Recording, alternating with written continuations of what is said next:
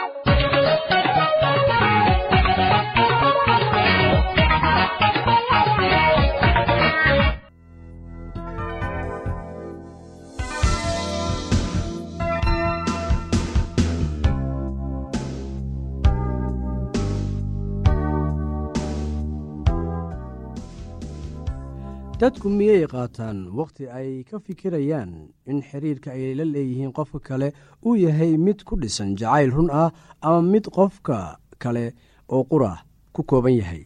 Xiriirkii ku dhisnaa afka keliya markii uu dhammaado sida caadadu tahay uu dhammaanayo markaasay dadku dib u eegaan oo isku yidhaahdaan runtii wax inaga dhexeeyey qofkaasi maba jirin. Wakhtiga ayuunbaan iskaga dhammaynayay hase yeeshee dareenkii ayaa wax loo dhimay. Wadna xanuun iyo madax xanuun ayaa qofkii ku dhacay. Noloshiisii qiimaha lahaydna waa lagu ciyaaray. Hoos waxaa ku qoran liis tusaalooyin ah oo kugu caawin kara bal inaad eegtid in xiriirka aad la leedahay qofka aad guursan rabtid uu yahay mid dhab ah iyo in kale. Jacaylka si tartiiba ayuu u koraa laakiin kan beenta ah si deg deg ah ayuu ku koraa jacaylku wuxuu koraa koritaankana wakhtigii ayuu qaataa. Taas waxaan uga dan leeyahay jacaylka si tartiib ah ayuu u koraa laakiin kan beenta ah si deg dega ayuu u koraa. Jacaylka wuu koraa koritaankana wakhti ayuu qaataa. Jacaylka beenta ah waxa aad ku garataa islamarkiiba ayuu ku haleelaa. Dhowr jeer oo aad qofka kulanteen kuma baran kartid waxaa laga yaabaa in qofka markii ugu horreysay uu si fiican u dhaqmayey aalaana dadka sida ayay sameeyaan marka ay qof cusub la kulmaan. Qofka waxa uu iska helayaa mid wanaagsan oo dabeicad fiican leh. Marka hore oo haddii ay wax cara ah ku dhalato wuu qiranayaa.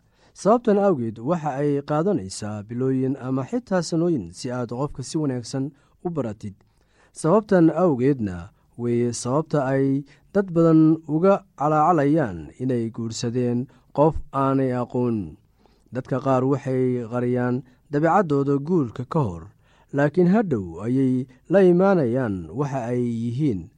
Haddeer waad fahmi kartaa sababta aanay dadku u aqbalin jacaylka ku dhisan is-aragga hore. Waa rabi kartaa qof marka ugu horreysa laakiin ma jeclaan kartid haddaba ha ka yaabin waxaa laga yaabaa in marka ugu horreysa oo aad qofka la kulantidba uu ku soo jiito waxa aad dareemaysaa unugyada jirkaada oo shaqaynaya. Waad doondoonaysaa oo waxa aad arkaysid qofka qaabka jirka ficilka iyo qofka sida uu dareenkaaga kaga jawaabayo.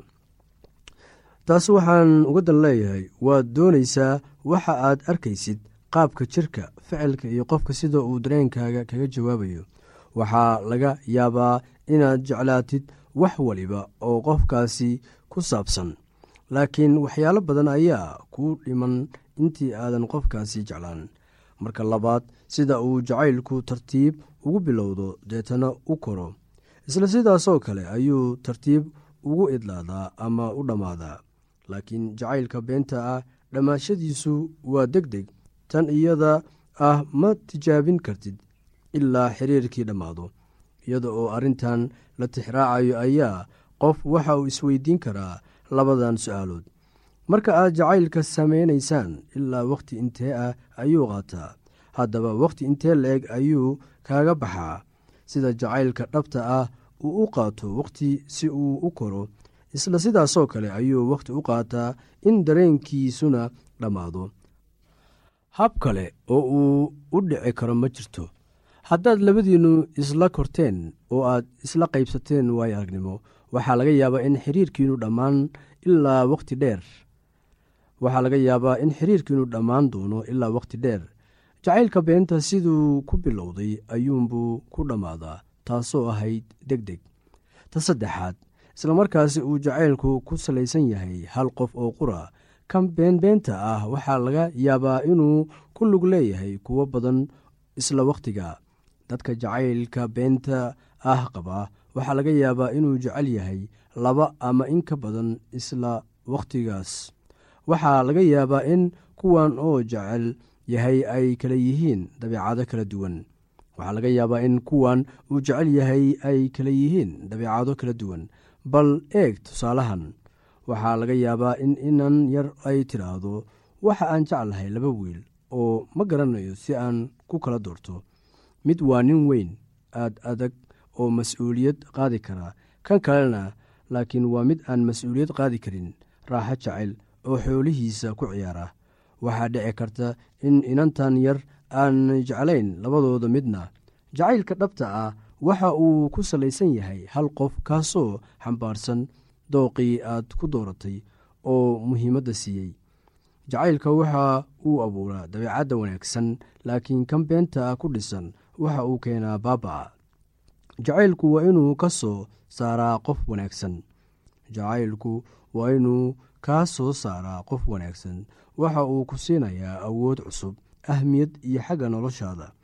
Midda afaraad jacaylku waxa uu abuuraa xirfad iyo xiisad ku salaysan ka koridda xagga dhaqaalaha. Jacaylku waxa uu ku horkacaa horumar.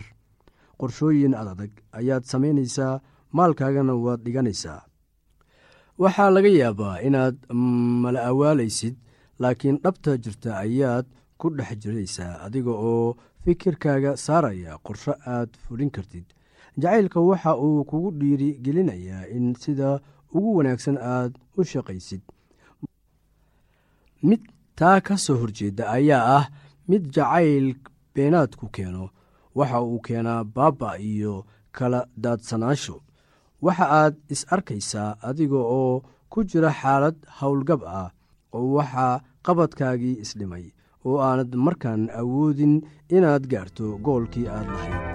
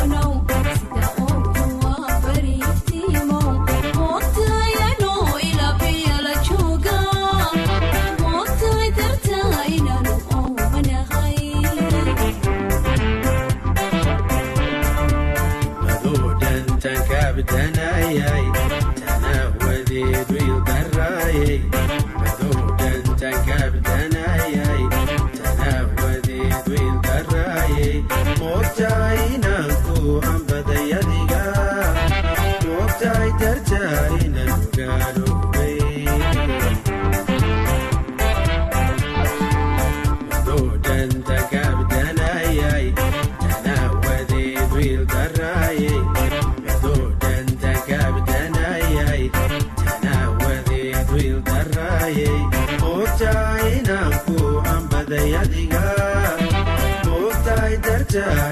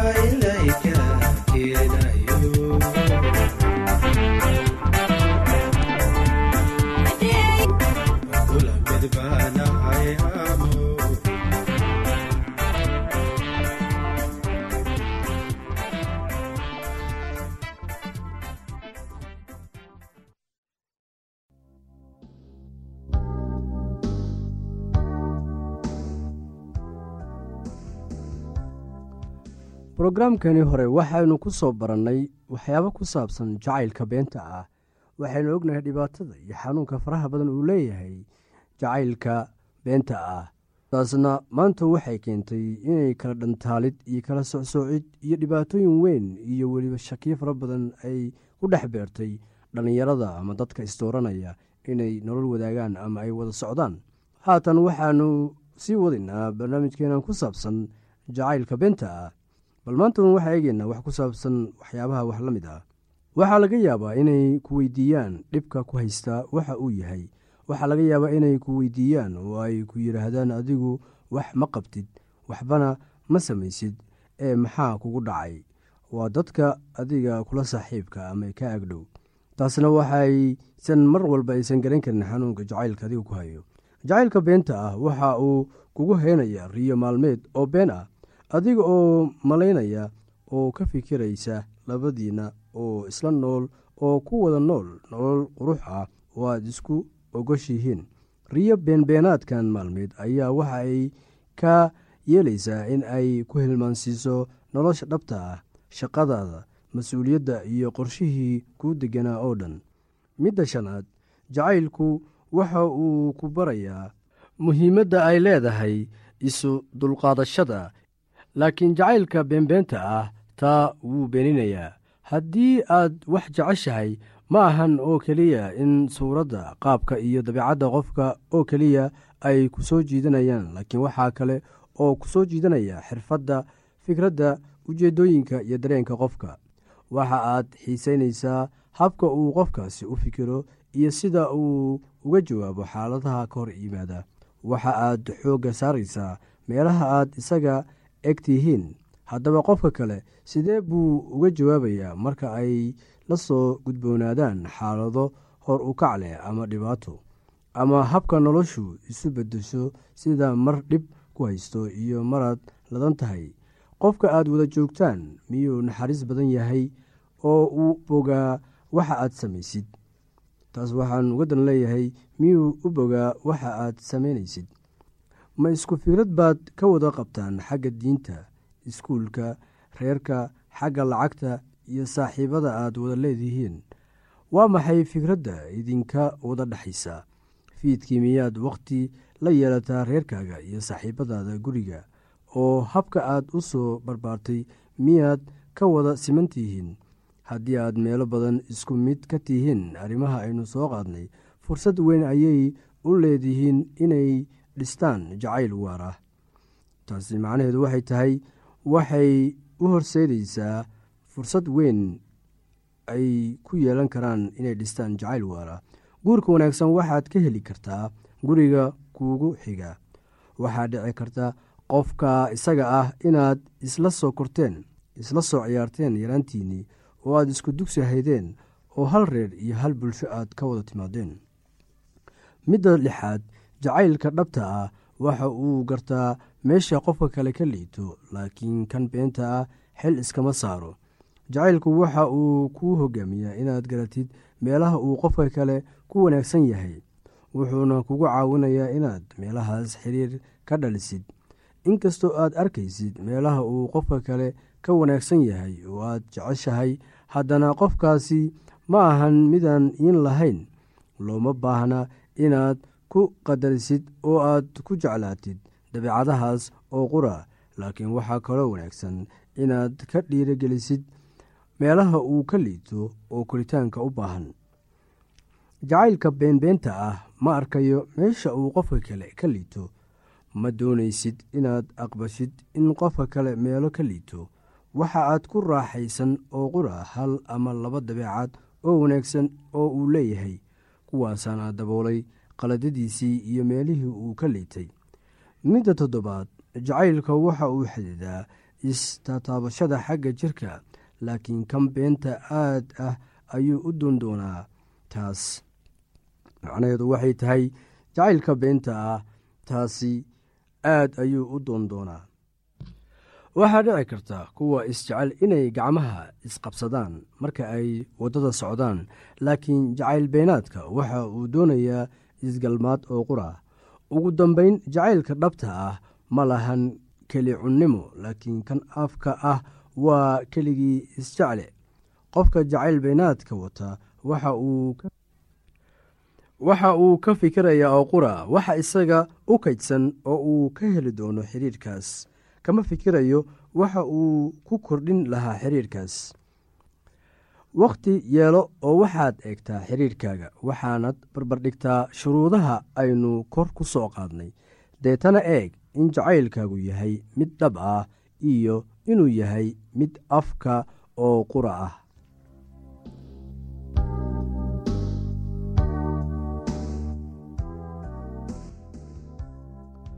haddii aad qabto wax su'aalaha fadlan inala soo xiriir. ciwaankeenna waa radio somaly at yahu t com. mar labaad ciwaankeenna waa radio somaly at yahu dt com. Barnaamijyadeena maanta waa naga intaas